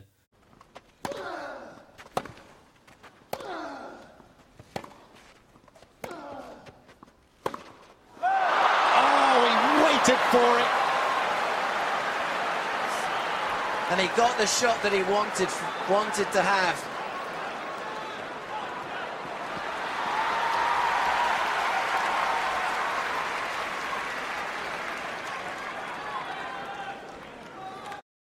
Yani o ana kadar Federer'in kendi krallığında Wimbledon'da yaşadığı en zor anlar. Kesinlikle yani en büyük muhtemelen mücadelesi Wimbledon kariyerinde verdiği o güne kadar diye yine ekliyorum. Federer savaşçı oyuncu hüviyetine o dönemde yani biz şu an daha büyük bir fotoğrafa bakıp bunu söyleyebiliyoruz. Federer'in de bir savaşçı ruhu var. Mental olarak gücünü gösterdiği maçlar var ama o dönemde henüz bilmediğimiz bir şey bu. Yani Federer çok iyi, çok iyi bir frontrunner, çok iyi önde giden bir oyuncu. E, maçları genelde rahat kazanan bir oyuncu ama ilk kez öyle bir mücadele vermek durumunda kalıp o mücadeleden olumlu şekilde çıkmayı başarıyor. Federer sonrasında bu seti kazanmayı, seti kapatmayı başarıyor. E, iki tane tiebreak setiyle 2-0 geriden gelip e, Nadal'a o 2007 finalinin zaten mental yükü belki hala omuzlarındayken Rafa'nın e, bir test daha sunuyor önüne. 2-0'dan gelen, Wimbledon finalinde gelen ve 5. sete maçı taşıyan bir Federer. Bu kez tiebreak yok. Evet. Evet kural gereği tiebreak yok. Beşinci sette tiebreak oynanmıyor. E, o zamanlar diyelim. Geçen seneye kadar Wimbledon'da Aynen oynanmıyordu. Ve dördüncü setin sonu itibariyle e, sayılar 151-151'miş. Artık yani maç gerçekten tekrar yeniden başlıyor. E, onun için de ekstra bir hani durum var. Ben e, burada 5. setin özellikle ilk kısmında Federer'in alıp biraz götürmesini bekliyordum. En azından servis kırmasını bekliyordum. Ama Nadal'dan bahsediyoruz. Yani Nadal yine tabii ki her sayıyı oynaması gerektiği gibi oynadı ve 5. sette oldukça dengede başladı. 5. setin başlangıcında beni şaşırtan 4. set bittiğinde tuvalet molasını Rafa'nın değil Federer'in alması. Çünkü 2-0'dan 2-2'ye getirip o momentumla aslında rahatlamış olması gereken taraf Federer'ken gerginliği hissetmesi gereken taraf Federer şey pardon Nadal'ken burada özellikle ilk oyuna da bence Federer gergin başladı. Yani tuvalet molasının haricinde hani o da her zaman bir göstergedir bir kafamı toparlamam lazım diye. Üstüne bir de kendi servis oyununda gergin başlayınca acaba mı dedim ben de. Bence normal maçlarda bu dediğin gibi ama e, bu normal bir maç olmadığı için. Evet. Ve maç 2'de başlaması gerekirken şu anda saatin 7.30 olduğu için belki gerçekten de tuvalete gitmesi gerekiyor olabilir. O da Yoksa ben de doğru. onu düşündüm ve çok çabuk geri dönüyor zaten Federer. Benim aklıma da şu geldi açıkçası. Yani ne olursa olsun işte o ilk yağmur arasında Nadal'ın bahsettiği şey Federer'in e, gülüp eğlenmesi. E, biraz artık kaybedecek bir şeyim yok noktasına gelmiş olabilirdi Federer orada. Maç 2-0'a geldikten sonra. Bir anda kaybedecek bir şey oluyor. Yani maç 2-2'ye geldiği zaman maç yeniden başlıyor çünkü. O kafasında belki de rahatlamasını sağlayan faktör ortadan kalkmış oluyor. Federer bir kez daha o gerginliğin, o tansiyonun içine girmiş oluyor maçın 5. sete gitmesiyle. Evet valla benim işte e, YouTube'dan izlediyseniz e, BBC'deki spiker orada şey diyor. 1948 finalinden beri hiç kimse maç sayısı kullanıp maç kaybetmedi. Hani artık Nadal'dan Evet. insanlar biraz vazgeçmeye başlıyorlar. Hani Federer maçı kazanacak gibi bir hava var. Hem onların spiker odasında hem hem gerçekten tribünde de öyle. Biraz momentum değişecek gibiydi ama Nadal servis oyunlarını gerçekten çok güzel oynuyor ve daha çok fırsat yakalayan genelde Nadal oluyor. En azından ilk oyunlarda. İlk 1-1'de mesela berabereyi görüyor. Ee, sonra 2-2'de yine berabereyi görüyor. Zaten ondan sonra işler değişecek. Hava değişecek. Abi ben burada bir parantez açmak istiyorum o hava değişimine gitmeden önce. Yani bence maçla alakalı konuşmamız gereken şeylerden bir tanesi de e, biçim kort oyuncusu olarak Rafael Nadal. O gelişimi yakından takip etme şansı bulduk jenerasyon olarak da hani Nadal'ın kariyerinin en başından en sonuna kadar. Sonu gelmedi gerçi henüz ama izleme şansı bulduk. Bir çim kort oyuncusu olarak Rafael Nadal kendini nasıl geliştirdi? Nasıl toprağın zıttı diyebileceğimiz zeminde o hale geldi? Yani bence bu dönemde iki kez finale çıkmış olmasına rağmen taktiksel olarak o alışılmış çim oyununu hala oynamıyordu Rafa. Ve bu hani biz o kadar şanslıyız ki o zamandan beri 12 senedir hala Rafa'yı izlemeye devam edebiliyoruz.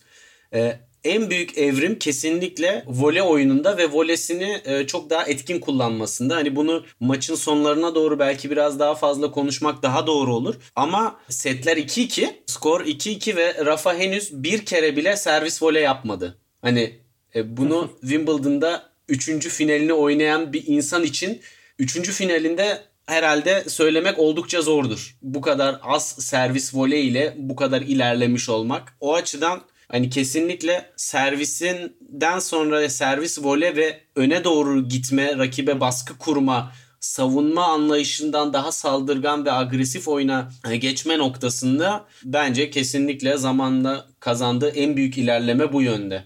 Anıl ben iki, şu... iki şey de ekleyebilirim. Ha, buyur. Bir tanesi servisinin hızı çok yükseliyor. Ee, yani 2-3 sene öncesine göre 20-30 kilometrelik bir artıştan bahsediliyor. Yani bu çok çok yüksek bir yani sayı. Ee, çünkü 2005'te 6'da oynarken zaten e, toprakta öyle bir servise de ihtiyacı yoktu. Biraz hem onu geliştiriyor hem de özellikle 2008'deki return pozisyonunun ne kadar içeride olduğundan bahsediyor herkes. Ee, evet. bunu Larry Stefanki söylemiş. Andy Roddick'in o zamanki koçu olması lazım. Yani koçluğunu yapmış olan isim. Ee, hani 2008'de Nadal gerçekten çok daha farklı, çok daha içeriden vuruyordu toplara.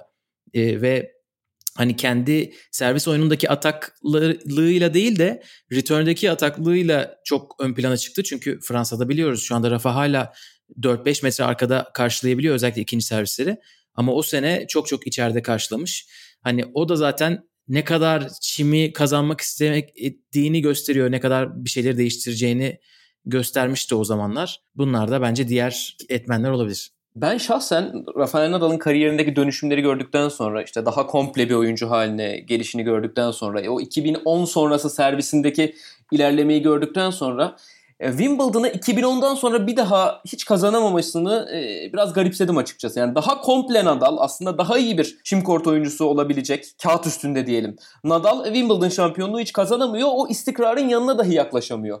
2006-2008 bandındaki. Hatta 2006-2010 diyelim. Ya son yıllarda hani şey çok tartışılıyor. Wimbledon iyice yavaşlıyor artık o eski hızında değil kortlar gibisinden. Benzer bir tartışma ee, hani o dönemde de var. Özellikle hani maç içerisindeki istatistiklerde de paylaşılıyor. Servislerde aynı servisi aynı şekilde aynı hızda attığınız zaman rakibe gelişi çok daha yavaş oluyor. Belki de Nadal oyununu Wimbledon'a adapte ederken zeminin eski Wimbledon olmaktan hafif hafif uzaklaşması da bunda bir etken olabilir. Ama Kesinlikle. o 2012-2015 arası galiba böyle ilk yüz dışından oyunculara kaybettiği maçlar var. Hadi bir tanesi Kyrgios, bir tanesi tam hepsi Dustin. çim oyuncusu galiba. Yani Jill Müller, Dustin Brown gibi isimlere kaybediyor ama yani Nadal bunları normalde alıyordu. O iki, senin dediğin gibi 2006 10 arası bu maçları zor da olsa kazanıyordu. Kazanmayı biliyordu. Sonra orada ne oldu? Gerçekten ben de yani çok büyük şaşkınlık sebebi. Sonra şimdi toparladı yani bu kadar ilerleyen yaşına rağmen 2018-19'da arka arkaya yarı final oynadı. Ama o zaman gerçekten hani çimde daha çok kazanır gibi bir imaj vermişti özellikle o yani 2010 zaferinden sonra. 2008'deyiz tekrar. Hava kararıyor. Londra'da akşam saatlerine doğru artık ilerliyoruz. Oyuncular topu zor görmeye başladılar. Ve 5. sette de yarım saatlik bir araya daha gidiliyor buna rağmen. Bu noktada maç bitecek mi bitmeyecek mi soruları artık çok gür bir şekilde sorulmaya başlanıyor. Evet saat 7.53'müş ben de ona baktım. Hani insan çünkü o zaman e, çatı yok, ışıklandırma yok. Onun için artık bu gerginlikte yani yağmurda kadar belki rol oynamaya başlamış bir şey karanlık. Çünkü hani açık bir havada bile galiba 9.30'a kadar oynanıyormuş maçlar. Ki bu kapalı bir günden bahsediyoruz. Bayağı bulutlu bir günden. Onun için büyük ihtimalle e, bazı insanlar kendilerini maçın ertesi güne sarkmasını hazırlamaya başlamışlardır bile. 2-2-40-40'da yağmur arasına gidiliyor. Burada Nadal tam tersi bir atmosfer olduğundan bahsediyor soyunma odasında. Bütün kendi ekibi işte amcası Tony ondan sonra e, fizyosu geldiklerinde yana çok korkarak gelmişler. Hani onu bayağı yani dağılmış bir şekilde bulmayı beklemişler ama Nadal çok netmiş kafasında. Hani bu sefer ben 2007'deki gibi maçı vermeyeceğim. Kazanırsa Federer kazanır gibi o, o noktadaymış ve Federer çok daha sessizmiş o arada. Bu da belki maçın sonuna dair bir işaretmiş yani. Onlar sadece onların görebildiği. Ben orada o arada Tony Nadal'ın söylediği bir şeyi yani çok beğendim. Nadal'a tek bir şey söylemiş sanırım maç 4-4'e gelirsen, 4-4'e gelebilirsen oradan sonra en iyi oyuncu değil sinirlerine hakim olabilen oyuncu maçı kazanır demiş o arada. E, o gerçekten herhalde bir ekstra motivasyon olmuştur Nadal için. Çok belirleyici bir şeyden bahsettin. Maç 2-0 iken Federer'in içeride neşeli olması. 5. sette araya gidildikten sonra Nadal'ın içeride daha rahat olması. Bu muhtemelen oyuncuların maç içindeki o psikolojik kuvvet değişimlerini de çok güzel tanımlayan bir şey. Şu noktasında maçın e, bulunduğumuz noktasında son yağmur arasında artık dönüldükten sonra çünkü maç sona erecek e, gergin hisseden Roger Federer muhtemelen. Evet bence bence kesinlikle öyle. Çünkü kendi servisi de dördüncü setteki kadar iyi değil. Nadal sürekli atak yapıyor. Bir de belki soyunma odasındaki o ruh hali bile onu korkutmuş olabilir. Hani Nadal'ın daha kararlı olması, kendisinin biraz daha gergin olması. Bu arada maç anlatılırken sürekli şey söyleniyor. Yağmur arası olursa Federer kimle konuşacak? Çünkü koçu yok deniyor. Çünkü Federer'in gerçekten e, Sever, Severin Lüthi o zaman koçu olarak adlandırılmamıştı. Hani e, işte Tony Roche'la çalıştı. Toprak sezonu için Jose Higueras'la çalıştı. Sonra yerinde kimse yok. Hani biraz insanlar onu da merak ediyorlar. Halbuki hem Lüthi hem de Mirka onun yanına koşmuşlar. Ama tabii öbür tarafta bir Tony Nadal'la e, fizyoterapist var. Biraz işin belki soyunma odası psikolojisi de Federer'i germiştir gibi düşündüm ben. Ve yani aynen senin söylediğin gibi herhalde takımdaki en ciddi mentor, Federer'in takımındaki en ciddi mentor o noktada fitness antrenörü Pierre Paganini. Onun haricinde böyle bir baba figürü diyelim yok ekipte. Öyle hani zor durumlarda, e, sıkıntılı durumlarda sığınabileceği birisi yok. Federer'in erken döneminde zaten kariyerinin hani o 2010'a kadarki dönemine belki diyebiliriz. Paul Anacon'la çalıştığı döneme kadar. E, zaten eleştirilen noktalardan bir tanesi de bu. İstikrarlı bir koç oyuncu ilişkisinin olmaması. Evet galiba iki seneyi ya da bir buçuk seneyi koçsuz geçiriyor tamamen. Hani Lüti bile yok. o dönemler nasıl yapıyor? Gerçekten çok ilginç. Burada hani zaten hani o Tony Nadal'ın söylediği şeyden bahsettim. Taktik konuşulmuyor artık. Bundan sonra zaten taktiğe değil o oyuncuların biraz daha herhalde mental bir desteğe ihtiyaçları var. Onu da verecek birisi var mıydı o zaman e, Federer için? Ona ihtiyacı var mıydı? Bunlar herhalde belirleyici faktörler olmuştur. Belki de ihtiyacının olduğunu gördüğü yer olmuştur. Evet maçtan sonra. Diyoruz ve artık dönülüyor yağmur arasından. Maç e, devam etsin isteyenlerden bir tanesi de maçın hakemi Pascal Maria. Ben onun belgeseldeki demeçlerinden şöyle bir hani e, e, takip ettim onun görüşlerini. Maçın bitmesini istiyor Pascal Maria. Yani bir şampiyon muz olsun. Bugün bir şampiyon çıkaralım düşüncesi içinde. Oyunculardan ona gelen bir artık karanlık oldu kardeşim. Bu maçı e, yarına erteleyelim talebi yok. Çünkü oyuncular muhtemelen artık içgüdüsel bir şekilde görmeseler dahi nereye gittiğini hissediyorlar topun ve vuruyorlar. Tamamen iki tane boksör. E, ikisi de artık çok fazla darbe almış durumda. Ve içgüdüleriyle dövüşüyorlar diyelim bu noktada. E, ama maç devam ediyor bir şekilde. Dönüşte bir de kamera flaşları patlıyor. O kadar karanlık. Benim ilk dikkatimi ilk o çekti. Ortam baya baya karanlık. Hani artık orası bir diskoya dönüşüyor. Her yerden bir flash patlıyor. Maçtan önce bir ona bir geri dönüyoruz.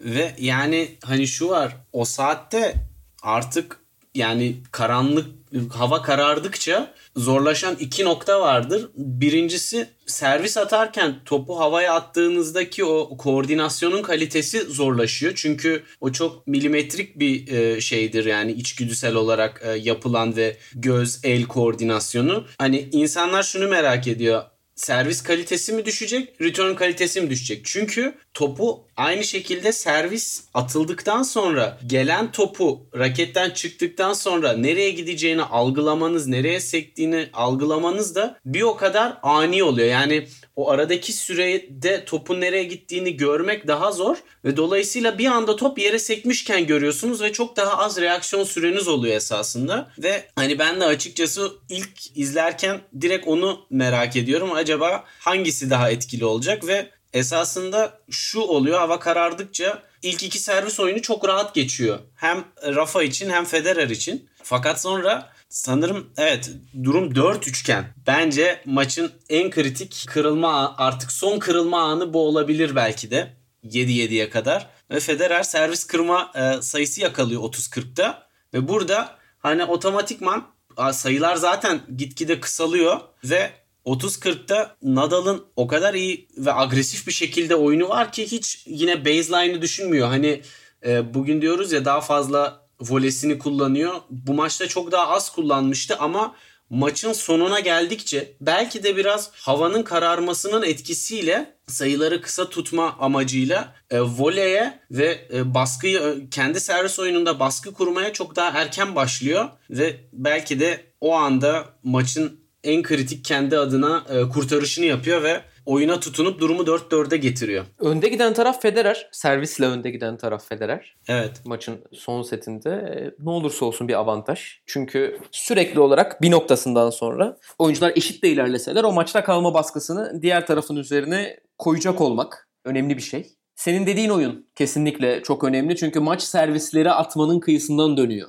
Roger Federer. Çok büyük bir tansiyon var. Artık tarihinin iyi maçını mı izliyoruz sorusu da sorulmaya başlanmış durumda. Ve 5. setin sonlarına doğru geliyoruz. Yani gitgide de yani bunu televizyon ekranından dahi takip etmek çok kolaydı ben hatırlıyorum. Yani gitgide daha da karanlık oluyor. Yani zaten kupa töreninde artık gece gibi neredeyse. Yani oyuncular o beyaz e, üstlerinden ayırt edilebiliyorlar. İşte birininki kolsuz çünkü. E, diğerininki biraz daha uzun, daha iddialı. Öyle bir noktaya gidiliyor. E, oyun anlamında o sırada kortta ne var bizim karşımızda? Beşinci setin sonlarına doğru gelinirken. Ya bu iş özellikle öncelikle tribün tarafından belki de başlamak lazım. Çünkü hani Federer ilk servisi kullandığı için hep avantajlı tarafta. Durum 5-4'e gelirken bir artık şey dengesi e, kayboluyor. Tribünlerdeki o taraftarların sesini duyma dengesi artık sadece roca roca sesleri geliyor ve insanlar bu efsanevi finali Federer'in kazanmasını istiyor biraz daha tribündekiler o anda. Ve aynısını daha sonra tekrardan görüyoruz durum 6-5'teyken. Yani her change arasında daha çok Federer'i destekleyenleri sesi çıkmaya başlıyor ama kortta biraz daha farklı bir hava var. Çünkü Nadal servisleri daha fazla sallamaya başlıyor. Yani Federer zaten uzun süredir 30'ları çok fazla buluyor Nadal'ın servisinde. Ama deuce ve servis kırma sayısını elde etmeye gelince biraz daha zorlanmaya başladığı anlar. Ve orada artık e, şey çok fark ediyor. Nadal Federer'in servisinde derinliğini e, çok arttırıyor. Yani return derinliğini arttırıp Federer'i hataya zorlaması o kadar fazla oluyor ki ama bir de şu var artık sayılarda gitgide kısaldığı için risk de artıyor biraz da yani ne kadar kontrollü vurmak isterseniz o kadar karşı tarafın saldırıya geçip sayıyı hızlıca bitirme riski de o kadar artıyor. Dolayısıyla artık kortta tamamen bir satranç oyunu ve mental savaş var derim ben. Skor 7-6'ya geldiğinde e, o an bilmiyoruz aslında ama Federer maçtaki son oyununu alıyor artık. Evet. Bu dev mücadeledeki diyelim. Oradan sonra Rafael Nadal'ın çok istediği, hep hayalini kurduğu Wimbledon şampiyonluğuna giden yolculuğu aslında daha kolay olabilecekken çok zor yoldan bunu yapsa da başlıyor.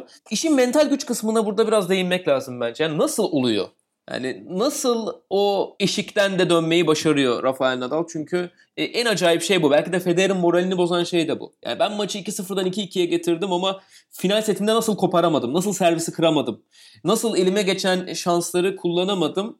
Ve tabii bir soru daha var. Nasıl Rafael Nadal zihnen bu kadar güçlü kalmayı başardı? Yani Nadal'ın tarihteki mental olarak en güçlü oyuncu olmasının belki de hani buradan tekrardan Mert abiye selamlar olsun. Ben de bir selam göndereyim Mert abiye. Çok kıymetli Mert Ertungay'a. Ee, sözü en, geçmişken. En iyi e, gösterdiği maçlardan birisi. Çünkü yani şimdi şöyle bir şey var. Hani artık maçın e, ağırlığını biraz daha konuşabiliriz. Yani Grand Slam kazanmak tabii ki çok önemli. Ama hepsinden önemlisi belki de oyunculara sorarsanız birçoğuna Wimbledon'ı kazanmak. Bunun çok farklı bir noktası var. Ve Nadal bu maçta zaten geçen senedeki finaldeki mental çöküşün baskısıyla uğraşıyor. O noktada kendisini sürekli telkin ediyor ve bunun üstüne iki kere şampiyonluk sayısı kaçırmış. Ve hani o kadar yaklaşmış bir noktadan hala maçın içerisinde kalması, o durum 3-4 iken servis kırma sayısında bütün agresifliğiyle korkusuzca oynayıp sayıyı hızlıca alması yani bunu yapmak çok çok çok zor. Yani zaten teniste yalnızlık her zaman konuşulan bir şeydir fakat o anda kafanızdan geçenleri size dışarıdan telkin edebilecek kimse yok ve o tamamen kendi başınıza yaptığınız bir mental mücadele ve Rafa burada tamamen o hani yansıtılan o savaşçı kimliğinin e, en önemli göstergesini koyuyor ortaya ve iş ne kadar zorlaştığında bir o kadar daha cesaretini kazanıyor. Hani o 5-2'de eli titriyor bir kere. Çift hatayı yapıyor tiebreak'te ve o tiebreak'i kaybediyor. Fakat sonrasında o maç şampiyonluk sayılarını kaybetmesine rağmen ki o sayıları kendisinden kaybetmesinden çok Roca çok çok iyi oynadı açıkçası. Yani çok iyi vuruşlar yaptı. Bu noktaya kadar gelmesi muazzam bir mental güç ve bunu yani o anda yapılabilecek bir şey değil. Bu hayat boyu gelen bir serüvenin sonucunda kazanılan bir özellik bence. Ve orada zaten Federer kendi hani o son aldığı oyunda durumu 7-6'ya getirirken esasında iyi bir servis oyunu hızlı aldığı halde e, şu var. Kendisi çok boş bir kortta yine de e, topu voleyi e, kaçırabiliyor o anda. Yani o anda Federer'den beklenen elinin titrememesi ve kesinlikle basit hataları artık yapmaması. Çünkü bu maç sonunda iki oyuncu da mental olarak o kadar üst seviyede ki hata sayısından ziyade artık oyuncular sayıları kazanmaya başlıyor. Yani karşı taraflar birbirlerine kolay kolay bir şey vermemeye başlıyorlar ve o yüzden de bu zihinsel savaş iyice artık acayip ateşli bir noktaya geliyor. Kesinlikle öyle ve yani muhtemelen ekranları başında da insanlar bunu hissetmiştir. Tribünde de insanlar bunu hissetmiştir. Ben şu anda üzerine sohbet ederken dahi bu burukluğu hissediyorum. E, maçın sonu geliyor.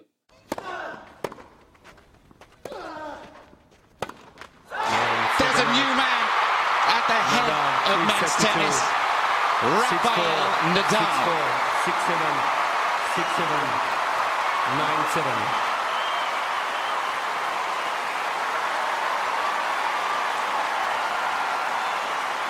Federer's magnificent run ends. Nadal is the top man.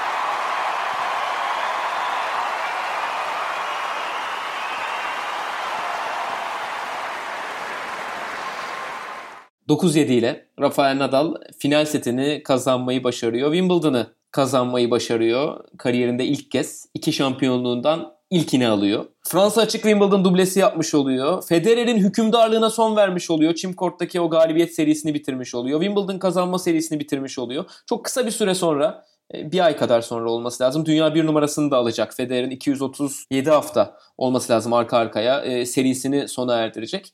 Tenis tarihinde bir sayfa değişiyor diyelim. Bu noktada hisler neler? Evet artık Wimbledon'ı kazandıktan sonra bir numarayı kazanması da an meselesiydi. Herhalde bu Federer'i yani en çok tahttan indiren, biraz daha Federer'i böyle insan yapan maç oldu insanların gözünde. Ben açıkçası Anıl sen tezahüratlar Roger dedin ama ben tezahüratları çok eşit duydum. e, yani maçın başından sonuna kadar iki taraf için de hatta gerçi ilk hecelerini aynı söylüyorlar İngilizler. Onun için karışmış da olabilir. Olabilir. E, yani insanlar Hatam o kadar fazla ya 5 defa şampiyonluk kazanmış bir isme karşı rahat rahat Nadal'ı destekleyebiliyorlar. Çünkü bence bir yeni şampiyon Federer'e bir rakip hevesi de var insanlarda tenis dünyasında. Tamam bu Roland Garros'ta vardı. Yani toprakta Nadal kazanıyordu ama hani bir numaradan devirecek olması ki Nadal çok uzun süredir iki numara. Artık yani hani çok uzun süre sonunda bunu başarmış olması bence hem bir sistemi rahatlattı. Herkes evet dedi. Evet sonunda hak, et, hak ettiğini başardı. Hem de bir ya Federer'in kendini herhalde bir gözden geçirmesine sebep olan en büyük maç bu oldu. Nadal için çok çok büyük bir zafer. Ki bunu yani biz şu anda e, Next Gen dediğimiz oyuncuların yaşlarını konuşuyoruz. Daha 23-24 yaşında öyle, zamanı var öyle. diyoruz. Çok enteresan. Kaç yaşında yapıyor? Yani 22 yaşını daha yeni bitirmişken yapıyor. Çok acayip gerçekten. Ve şunu da söyleyebiliriz herhalde. Gerçekten her büyük sporcunun bir tane Nemesis'e ihtiyacı var. Hani bir noktadan sonra o Nemesis sayısı ikiye çıkıyor bu arada her ikisi içinde. Yani Federer, e, Djokovic de giriyor resmen. Ama e, o noktada Federer yalnız bir güç. E, tek başına tenisi domine eden bir kuvvet. Bir anda artık Wimbledon'la beraber tam anlamıyla bir rakibi olduğunu deklare edebiliyoruz Federer'in. Artık Federer ve Nadal çağı bence tam anlamıyla açılıyor o finalden sonra. Evet yani başka bir bölüm de açılıyor gibi de düşünebiliriz. Hani herkesin kendi alanını kazandığı değil birbirlerinin alanlarını çok büyük bir şekilde tehdit ettikleri Nadal'ın Wimbledon'ı kazandığı zaten sonra devamı da gelecek. Sert korta da sıçrayacak bu. Ne yazık ki Amerika'da hiç izleyemedik maçlarını hala. Ama yani orada gerçekten başka bir chapter, başka bir bölüm açılıyor o rekabet için. Belki çok daha iyi bir şey haline geliyor. Çünkü herhalde Federer'in bu kadar şu ana kadar hem iyi oynamasını bence Federer şu anda ben maçı izledikten sonra bunu düşündüm. 2008'den daha iyi oynuyor şu anda. Özellikle 2017 senesi inanılmazdı zaten. Herhalde bu gibi maçlar sayesinde olduğu gibi düşünüyorum. Ya. Mental güç. Az önce Nadal'dan bahsettik. Burada bir de Federer'e bence tırnak açalım. E, Federer bu hayal kırıklığının üstüne gidip Amerika açığı kazanıyor. Evet o inanılmaz bir şey bence ya. Çünkü yani o, olacak o iş değil. O sene hiçbir büyük galibiyet yok. Hatta biz Anıl'la Federer'in en büyük 10 zaferi diye bir bölüm yapmıştık. Oraya ben 2008 Amerika açığı sırf bu sebepten koydum. Yani çok büyük hayal kırıklığının olduğu bir sene Federer'i insanlar bitirmişler kafalarında ki o zamana kadar her turnuvanın Grand Slam'inin işte yarı finaline çıkma şeyi devam ediyor. E, serisi devam ediyor. Ama ona rağmen insanlar tabii ki Nadal görünce bir numarada ki Nadal zaten Amerika açıktan önce olimpiyatı da kazandıktan sonra sanırım bir numarayı ele geçiriyor. Orada bir Federer'in üstü çiziliyor. Federer diyor ki yok hayır ben daha buradayım. Grand Slam kazanıyorum. Aynen öyle. 2009 Avustralya açık. Acayip bir final maçı. Yine 5 set. Federer'in o maçın sonunda gözyaşlarına boğuluşu, Nadal'ın onu teselli edişi. O çok güzel bir maç sonu. 2008 Wimbledon finalinde de öyle çok güzel bir an var. Nadal şunu söylüyor maçtan sonra. Ben bu maçı kazandım ama Federer hala en iyisi. Onun burada 5 şampiyonluğu var. E, muazzam bir alçak gönüllülük. Bu oyuncuların rekabetin yanında arkadaşlık da tesis etmeye başladığı dönemin de belki de başlangıcı. Ya hani fedalı belki de bu kadar hani fedallaştıran durumlardan birisi de bu hani birbirlerine duydukları saygının yanında bir de sevgileri de e, çok üst düzey ve bu hani belki de Federer hakikaten böyle birini istiyordu ve Nadal'ın varlığı o yüzden onu çok mutlu ediyordu. Yani o zirvede yalnız kalmaktansa o zirvede biriyle beraber o çekişmeyi yaşamak bence onu da mutlu ediyordu. Zaten Hani maç sonrası ikisinin de sözleri karşılıklı çok güzeldi. Hani bu zaten genel olarak alıştığımız bir şey ama yani aynı zamanda işte Nadal sevindiği zaman artık o maç sonu tabii ki senelerin e, getirdiği sonucunda gelen bir mutluluk inanılmaz bir çılgınlık. Hani gidiyor ailesinin yanına orada çatılara tırmanıyor. Ondan sonra Royal Box'a gidiyor. Kraliyet ailesinin elini sıkıyor. Bakın işte ben yeni kralınız dercesine. Ve orada bile mesela Federer'in ailesi işte Linet Federer Rafa'ya elini uzatıyor sıkmak için. Robert Federer zaten hepsi aynı box'ta yan yana izliyorlar maçı ki bence bu da çok e, değişik bir duygudur bu kadar gergin bir maçta. Robert Federer çok sıcak bir şekilde gülümseyerek onu alkışlıyor orada ailesinin yanına geldiği zaman. E, ve bundan dolayı bence tarihin en duygusal rekabeti olabilir herhalde.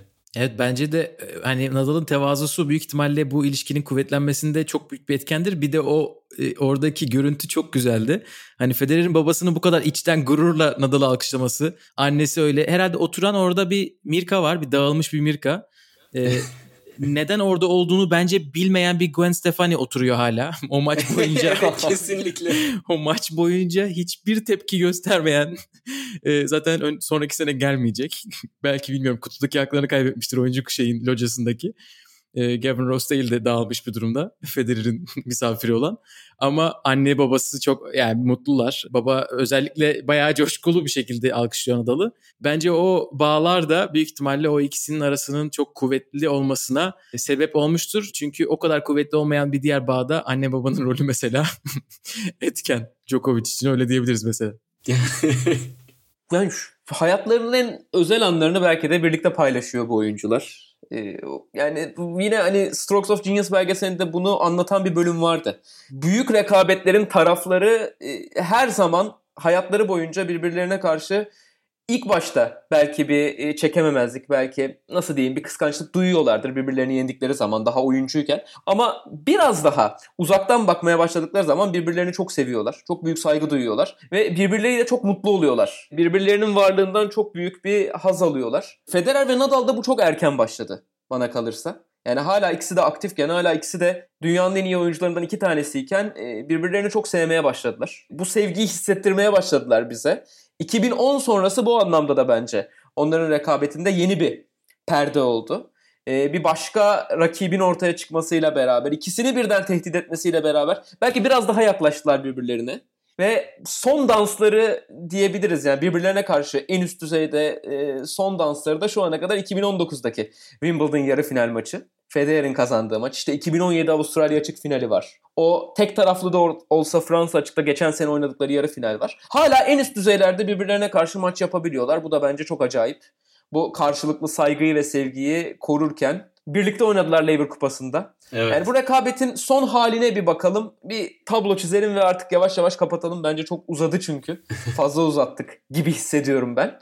Ee, buyurun. Ya bence artık ikisi de her ne kadar herkes en tarihin gelmiş geçmiş en iyisi kim tartışmasına çok odaklanırken kupa sayıları vesaire üzerinden ben ikisinde de bir tabi hala profesyonellik ve hırs olmasına rağmen bir doygunluk ve özellikle birbirleri arasında karşı karşıya geldikleri maçlarda bunun tadını çıkaran bir havaları var ve bence bu çok anlamlı ve çok özel bir e, rekabet o açıdan. Yani şu anda zaten birçok kritik konuda ortak hareket etmeleri ve birbirlerini desteklemeleri de buna çok güzel bir örnek. İşte Güney Afrika'ya gittiler beraber. Ondan sonra işte Roger'ın aynı zamanda Rafa'nın akademisine de her zaman olumlu destekte bulunması vesaire. Bunlar e, tenisi de ileriye götüren ve tenisi daha çok kişinin duymasına ve tenis sporunun büyümesine de çok ciddi katkı sağlayan bir rekabet ve dostluk aynı zamanda. Evet bence de sporu kendi başına resmen e, büyüten bir rekabet oldu. İnşallah bir de Amerika açıkta izleriz.